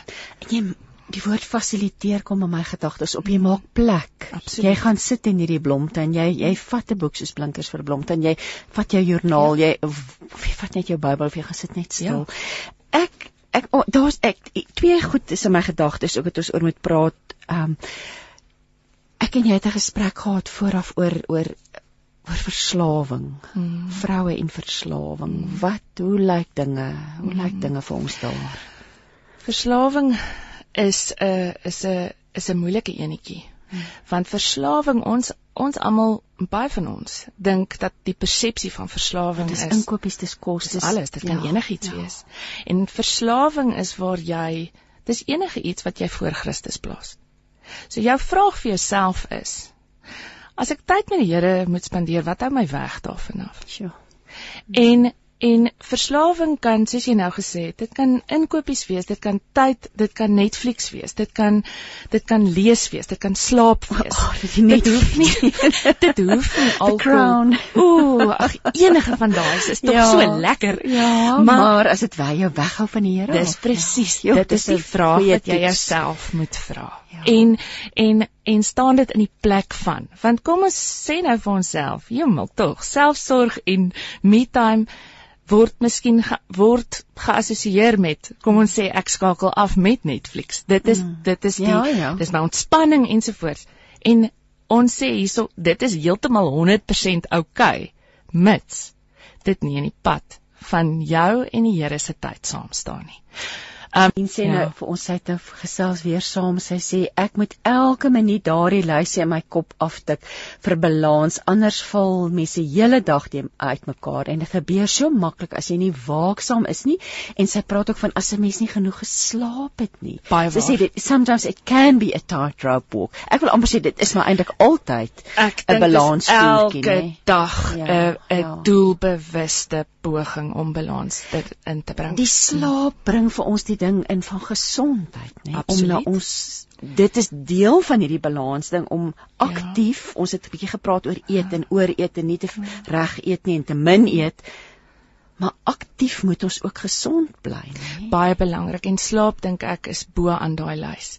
Is dat ons genoeg sal slaap en behoorlik sal slaap want dit is hoe ons brein homself weer reset in die aand. Dit is hoe ons krag kry vir die volgende dag ensovoorts. So dit is dit klink miskien nou um Nee, maar as jy gebrek aan slaap kan jy kan jy eintlik heelte jy kan half jou sinne verloor, Nee, nê? absoluut. Ja. As ons gaan kyk na um, as as slaap ontneem word in die weermag, dit it's the worst form of torture. Hmm. En as as ek met vrouens werk wat sukkel met postpartum depressie, is dit 'n hoender en eier beginsel. Ons weet nie noodwendig is dit is dit postpartum depressie of is dit net 'n onbeskryflike gebrek aan slaap nie. Want as jy nie slaap nie, kan jy nie logies dink nie, jy kan nie rasioneel, jy kan nie rasioneel optree nie en 'n mens voel meer emosioneel en jy voel meer um breekbaar, fragile. Um dit maak dit maak dat 'n mens uh, oop is vir slegte konsentrasie, vir vir maklike konflik, um uitbarstings en kort van draad wees ensovoorts. En ek dink almal van ons kan hiermee vereenselwig. Um as as studente ook as as 'n mens deernag geleer het, geswat het, is jy die volgende dag 'n nul op 'n kontrak. Hmm. So, ehm um, slaap is verskriklik belangrik om om genoeg en effektief te slaap en en hier sonder om nou snaaks te probeer wees, maar dit is verskriklik belangrik om te kyk hoe hoeveel tegnologie kry ek in voordat ek gaan slaap. Mm. Dat 'n mens daai afskakel, ehm um, en dat jy ten minste 'n uur na 2 voordat jy gaan slaap nie met jou foon of met enige skerm te doen het nie, want jou brein gaan nie afskakel daarna nie. Maar wel 'n boek vat of 'n of Bybel lees of net in die bad lees, in die bad lees. Absoluut. Ja. Absoluut dat 'n mens regtig tyd het om te kan afskakel, want ehm um, tegnologie deesdae en skermtyd het maar baie groot invloed op ons Jy jy het nog op van konflik want ek dink mense moet ook dan twee keer dink as jy moeg is, moenie moenie met jou man beklei as jy moeg is nie. Stap eerder weg ja. en sê ek is reg, ek is regtig moeg. Ja. En soos soos um 'n kindjie maar vat dan 'n bietjie van 'n 'n time out en sê ek ja. sal nou-nou hierop reageer, maar ek kan net nie nou logies dink nie. Ja, dit kom net elke keer terug aan selfsorg. Absoluut. Dit is vir my baie interessant. Absoluut. Kom ons praat 'n bietjie oor jy het nou net postpartum depressie genoem, maar kom ons praat bietjie net oor depressie oor die algemeen. Is vroue op die oomblik hmm. meer depressief as voorheen? Wat ja. wat beleef jy? Ek kan definitief vinnig vir jou sê, beslis, Christine. Ja. Ehm um, en dit het te doen met die gevoelens van van oor van voel dat jy oorweldig voel. En jy's daai ding van daar is nie nou balans nie. Ek voel ek het nie beheer oor alles nie. En ons vrouens is geneig om baie krities op onsself te wees. Weer eens skakel dit in by wat Corin gesê het um, dat ons ons volgens die wêreld plaas ons osself in boksies en ons sê ons moet dit en dat en dat so kan doen en sis en so kan doen. So ons is baie krities op onsself wat dit betref en ek dink ehm um, ek dink dit is so dis net so belangrik om om weer eens net terug te kom na die die absolute absolute waarheid. Ehm um, sodat ons die plek maak vir enig ja. Ja, want ek dink daar's so baie vroue wat luister vandag wat hulle self wat hulle self bevind ook nie in 'n miskien in 'n huwelik wat ja. nie so goed is nie. Nee, so ja. jy kan nie net na jou man kyk vir daardie nee validation is die Engelse woord ja, nie. Ja, dis so, absoluut dit en, ja. en en jy noem 'n baie waar ding. Ehm um, baie van ons vrouens en as 'n mens gaan kyk na jou lief na liefdestale, baie van ons se liefdestaal is ehm um, is woorde van aanmoediging. Hmm.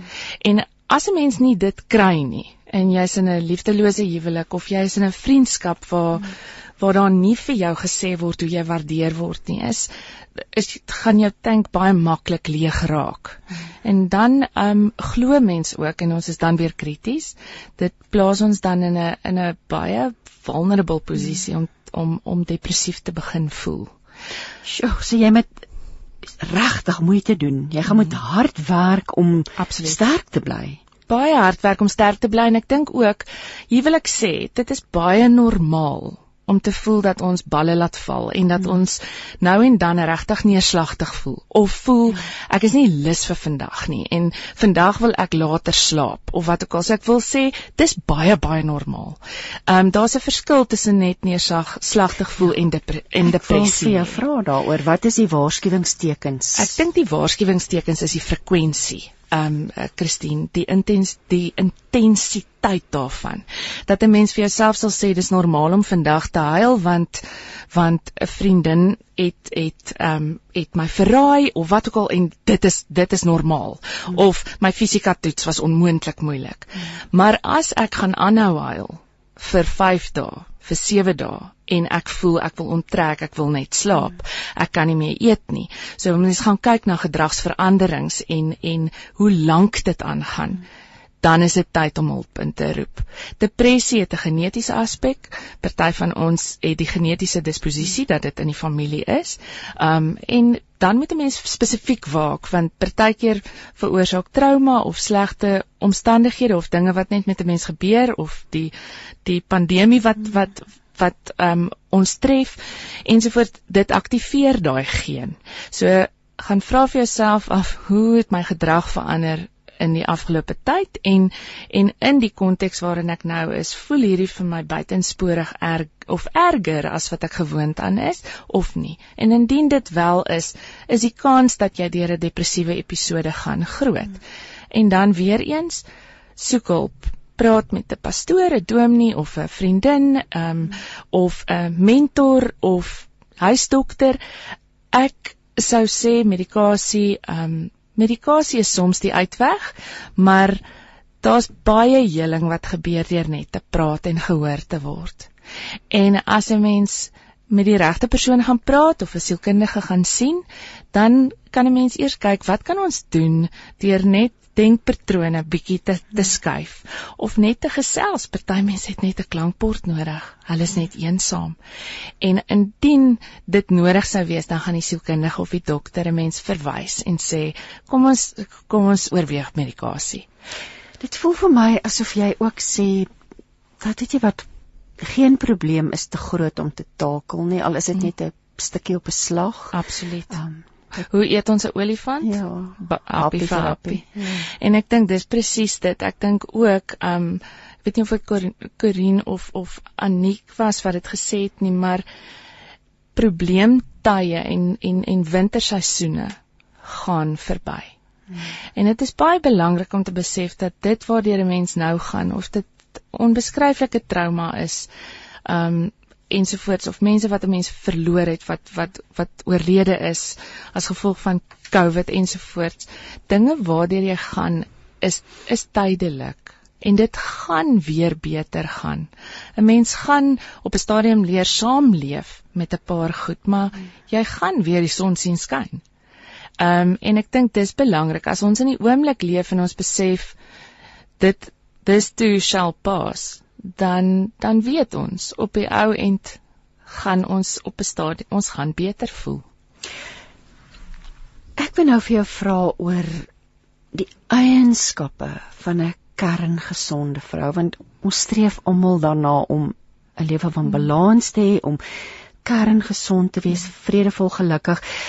En daarmee saam wil ek ook sê die verantwoordelikheid wat ons as vroue, as ma's het om 'n voorbeeld te wees deur ons gedrag. Mm. So want ons kinders kyk na wat ons doen nê. Nee. Hulle mm, kom ons as jy moet sê die kenmerke. Mm. Spreek dit Spreuke 31 gee vir ons 'n lang lys. Maar ek, ek val myself nou in die rede, maar dit is vir my so oulik. Vers 28 sê dit daar onder meer haar man oorlaai haar met komplimente. So selfs die Bybel gee erkenning ja. vir ons aan die belangrikheid daarvan. So as haar manne is wat luister vandag, vertel vir jou vrou dat jy vir haar lief is. Sê vir haar mm. wat wat sy vir jou beteken. Kinders wat luister, sê vir sê vir mamma mm. wat sy vir jou beteken. Maar ja, ehm um, kom ons praat 'n bietjie oor die kenmerke van 'n kerngesonde vrou. Ek dink die kern 'n kerngesonde vrou weet wie en wat sy is en dat daar identiteit in Jesus Christus lê. 'n Kerngesonde vrou sal sal met selfvertroue en sagmoedigheid en sagtheid en liefde in hierdie wêreld omgaan. Um ons vrouens is die sagtheid van God dit is wat ons na die wêreld toe bring. En ek dink 'n kerngesonde vrou het vrede binne haar oor wie en wat sy is. Hmm. So daar's nie 'n lysie van dis hoe ek moet lyk, dis hoeveel ek moet weeg, dis wat ek moet eet, um en en so voort nie, maar 'n kerngesonde vrou kan foute maak en opstaan en aangaan. Hmm. Hulle kan 'n fout maak voor hulle kind en hulle kan verskoning vra daarvoor vergifnis vra daarvoor en hulle kan aanbeweeg. En hulle kruisig nie hulle self nie. Julle ons is ons hoef niks te doen om gered te wees nie. Ons kan dit net aanvaar. Dis 'n persent.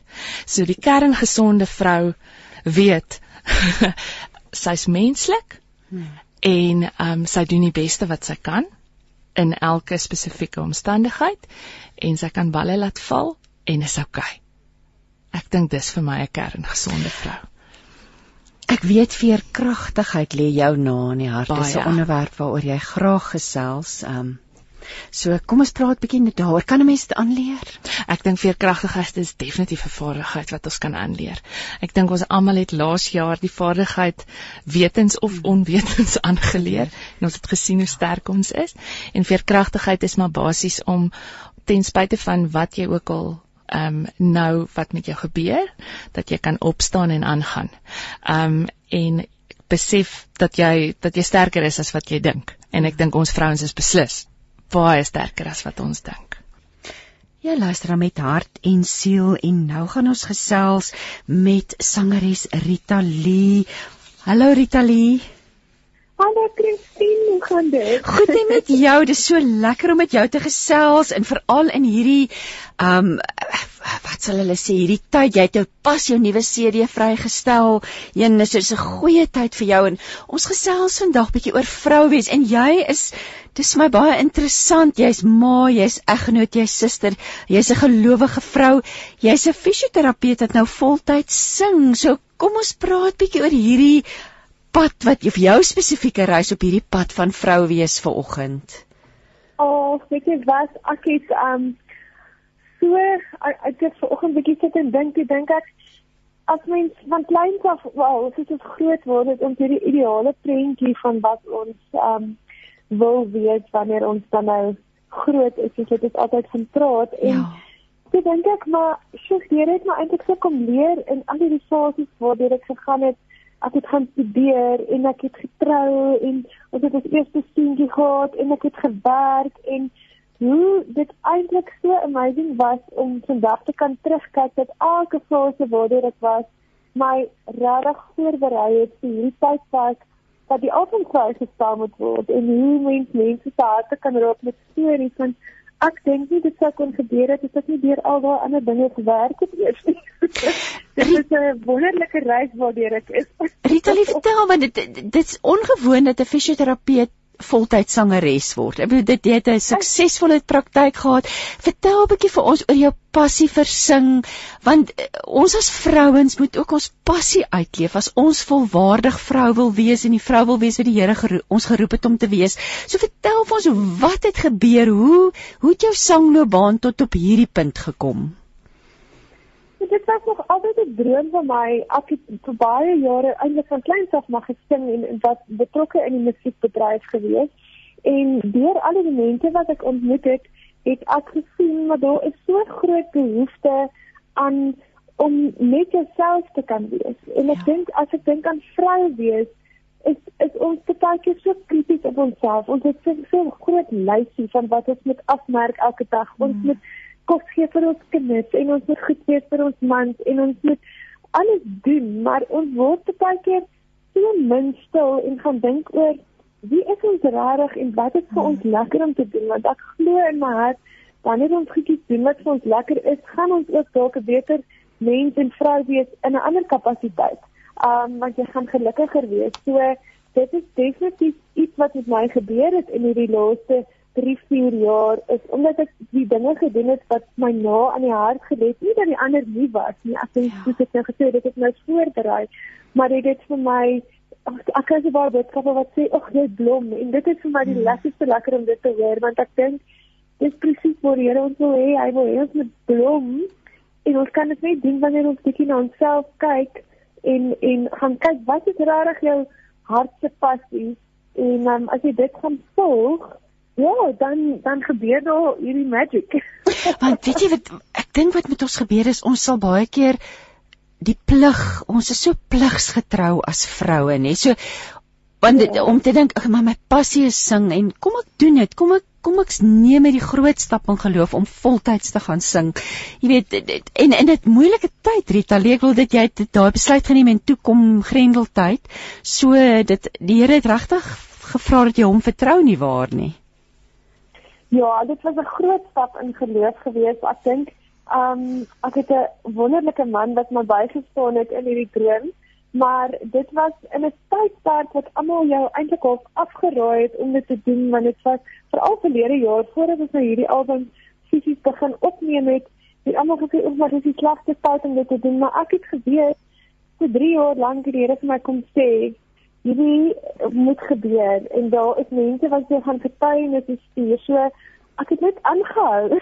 As iemand sê dit gaan finansiëel 'n swak besluit wees, het ek net gesê ja. wat ons doen wat ons kan doen en op die ou end weet ek dit gaan nie oor my nie, dit gaan oor om iemand se hart aan te raak. So Ja, dit was 'n groot stap in geloof geweest, maar ek kan nou sien hoekom. Rita, kom ons praat 'n bietjie oor jou nuwe album. Die titel daarvan is Roekeloos verlief. Um ons het nou oor al die aspekte van vrouwees gepraat vandag, maar dis nogal iets wat ons nog nie aangeraak het. Dit is die belangrikheid daarvan ons is jy weet God het ons geskape man en vrou om om om hmm. ja, dit is wonderlik om verlief te raak. So vertel vir ons 'n bietjie oor hierdie album. Wat kan die luisteraars van jou nuwe album verwag? So dit is kontemporêre, net wat so 'n bietjie country pop um inslag in dit het en um ek het sommer met 'n klomp verskillende skrywers gewerk um in in hierdie proses en dit is eintlik ongelooflik om die eindprentjie te sien. Ons het ons het 20 liedjies bymekaar gehad en ons het die ou en 12 kies, maar elke liedjie handel eintlik oor die liefde. ons sing maar meestal in ons lewe sekerlik oor die liefde, maar elke lied het of 'n dieper betekenis wat um wat ek voel 'n geestelike betekenis het of dit is 'n getuienis van wat met my gebeur het of met iemand anders gebeur het of dit is sommer net 'n lekker herinnering aan toe ons 'n jonger was um en en die roekeloos verlief die die as van breel daarvan gaan vir my oor dat jy met inspring in 'n ding en amper soos wat ek net nou gesê die geloofstap. Die Here wil hê ons moet roekeloos verlief wees sonder om te gaan dink aan al die maas en die moenies um en en dit is my so lekker want ek dink as man en vrou as jy net roekeloos verlief op mekaar kan wees dan gaan dit ook blom. Daai verhouding gaan ook blom. So ja, dit is 'n uh, eh, alles gaan oor verlief en lief wees op hierdie album. Hoorie, maar, maar wat 'n lekker en en, en natuurlik vir ons ek dink ook ons as gelowiges, ons moet ook eintlik roekeloos verlief wees op op op op op, op Jesus nê nee, en en en, ja, en net of ja. uh, throw, throw caution to the wind, soos hulle sal sê.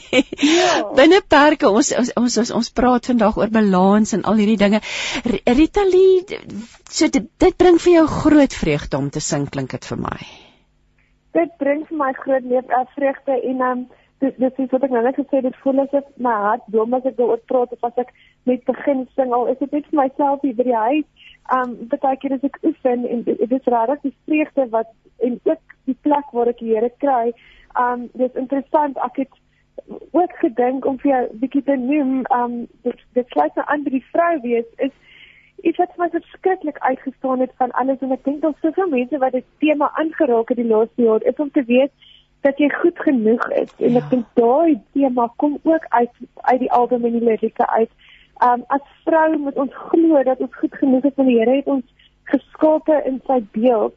So ons moet ophou om onsself te meet en te gaan dinge soek wat blink is en en en fancy is wil ek amper sê in die lewe en net te weet weet jy jy's goed genoeg om 'n tydjie op 'n dag aan jouself af te staan om stil te word en 'n bietjie te gaan luister wat jou hart sê wat die Here vir jou sê. Dit gaan nie noodwendig altyd ge, um, gepaard met geld nie maar um wees lief vir jouself kyk na jouself uh, want dan gaan jy sommer outomaties in my opinie vir vir jou man en jou kind en jou vriende en almal om jou ook goed genoeg is. Jy is goed genoeg. maar dit is 'n baie belangrike ding. Dit is dit is baie belangrik en jy ek wil nou ook net vra ek ek weet jy het op Klokkelaan by op 'n Kersieplaas groot geword buite Klokkelaan. So jy's 'n meisie of 'n vrou met haar voete vas op die aarde, stewige anker op die aarde. Um ek wil hoor maar waaroor droom jy en wat hou die toekoms vir jou in? So vir my, ehm um, my my planne vir die jaar, ons verwag ons tweede jaar 'n uh, baba in Augustus. So uh, ons um, sien vreeslik uit daarna dat die gesin uitbrei. So ons ons beplan nou rondom dit bietjie, maar natuurlik baie optredes en ehm um, ek wil graag 'n klere reeks spesifiek wat hierdie passie en beeld wat ek in my kop het vir vrouens. Mm. Ehm mm. um, wil ek graag uitreik op 'n stadium, 'n uh, aanlyn winkel en dan natuurlik as so gou as wat ek kan wil ek graag deur die land toer en hierdie musiek en droom en passie met met mense deel. So dit is die korttermyn um doelwitte En ehm um, ja, ek is baie opgewonde daaroor om om almal te ontmoet en getuienisse te hoor want daar het al baie stories ingekom. van asof van die musiek. Ek wil net vir luisteraars ja, aanmoedig. Ja. Hulle kan gaan daar's 'n um, daar's 'n splinte nuwe musiekvideo. Ehm um, die eerste vrystelling was iemand anders gewees so me, die titel van daardie liedjie en dan natuurlik uh, Rita Lee, waar kan mense gaan kyk en luister na die musiek? Waar kan hulle uh, dit miskien aflaai? Ek weet almal het Apple Music ook deesdae. Uh, het jy 'n webblad vir ons dalk wat ons nie luisteraars kan deel? Ja, so my webblad is uh, www.ritalee.co.za en dan is my musiek op al die digitale platforms beskikbaar. Um wanneer die aanlyn winkel een van die dae oopmaak, sal julle dit is um as daar is nog mense wat fisiese albums ook graag wil hê, sal hulle bestellings daarop kan plaas. En dan natuurlik op al die sosiale media kan hulle net onder Ritalee musiek gaan kyk. Al die aankondigings sal daar op wees en foto's en nuwe liedjies maar um, op YouTube is daar alles so eintlik kan jy maar net op Google intik en jy gaan dit kry. Ehm oh. um, so ja. Vitalie, ag verskriklik dankie en ek wil dis so lekker om te hoor dat jy as gelowige vrou ja, jou doel uitleef, jou passie uitleef. Die Here se stem volg jou hart volg want dit is natuurlik 'n iets wat ons ons moet albei in berekening bring. Maar ek wens jou alle seën toe en ek wil ons luisteraars regtig uitnooi om te gaan kyk en te gaan luister na Roekeloos verlief. So alles wat mooi is, sterkte met die swangerskap en ons sien uit om weer te gesels oor daai klere reeks een van die dae. Ja, ek sien ook baie uit om dit met julle te deel en baie dankie vir die gesels. Um dit was 'n groot voorreg vir my om bietjie deel van julle program te kon wees vanoggend. Ag, dit was vir ons ook lekker Ritalie, baie baie dankie. Tryda, oh, jo, ek sien dis al 4 minute voor 11. Weet jy die vliegtyd vlieg. Laaste gedagtes van jou kant af rondom vrou wees. Besef dat daar onbeskryflike mooi sterktes in jou lê.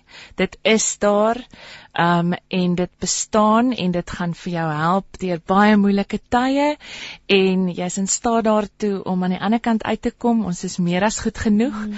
En die ander ding is ook die ou vertaling van Spreuke 31 vers 25 sê sterkte en eer is haar kleed en sy lag oor die dag wat kom. So laat ons lag en dat ons ook mm. nooit ons sin vir humor verloor selfs in die donkerste tye nie. Ja, ek wil vir ons afsluit ook en weer ek, ons het nou nog net stukkies van Spreuke 31, maar ek dink dis 'n dis 'n uh, so gepaste stuk skrif vir vandag en in die boodskap sê dit die beeld van 'n goeie vrou. Wie 'n goeie vrou het, het iemand kosbaar. Sy is baie meer werd as die duurste juwele. Haar man reken op haar en sy beteken baie vir hom. Haar lewe lank is sy goed vir hom. Wat nodig is vir die huis, dit kry sy. Sy verrig haar dag dalk met vreugde en sy sal selfs ook buite die huis gaan werk om nog beter vir haar gesin te sorg. Vroegoggend staan sy op om vir haar om haar gesin te versorg en vir elkeen het sy taak vir die dag. Dis nou oulik hierdie. Sy het 'n oog vir 'n winskoopie, maar sy dink mooi voor sy koop.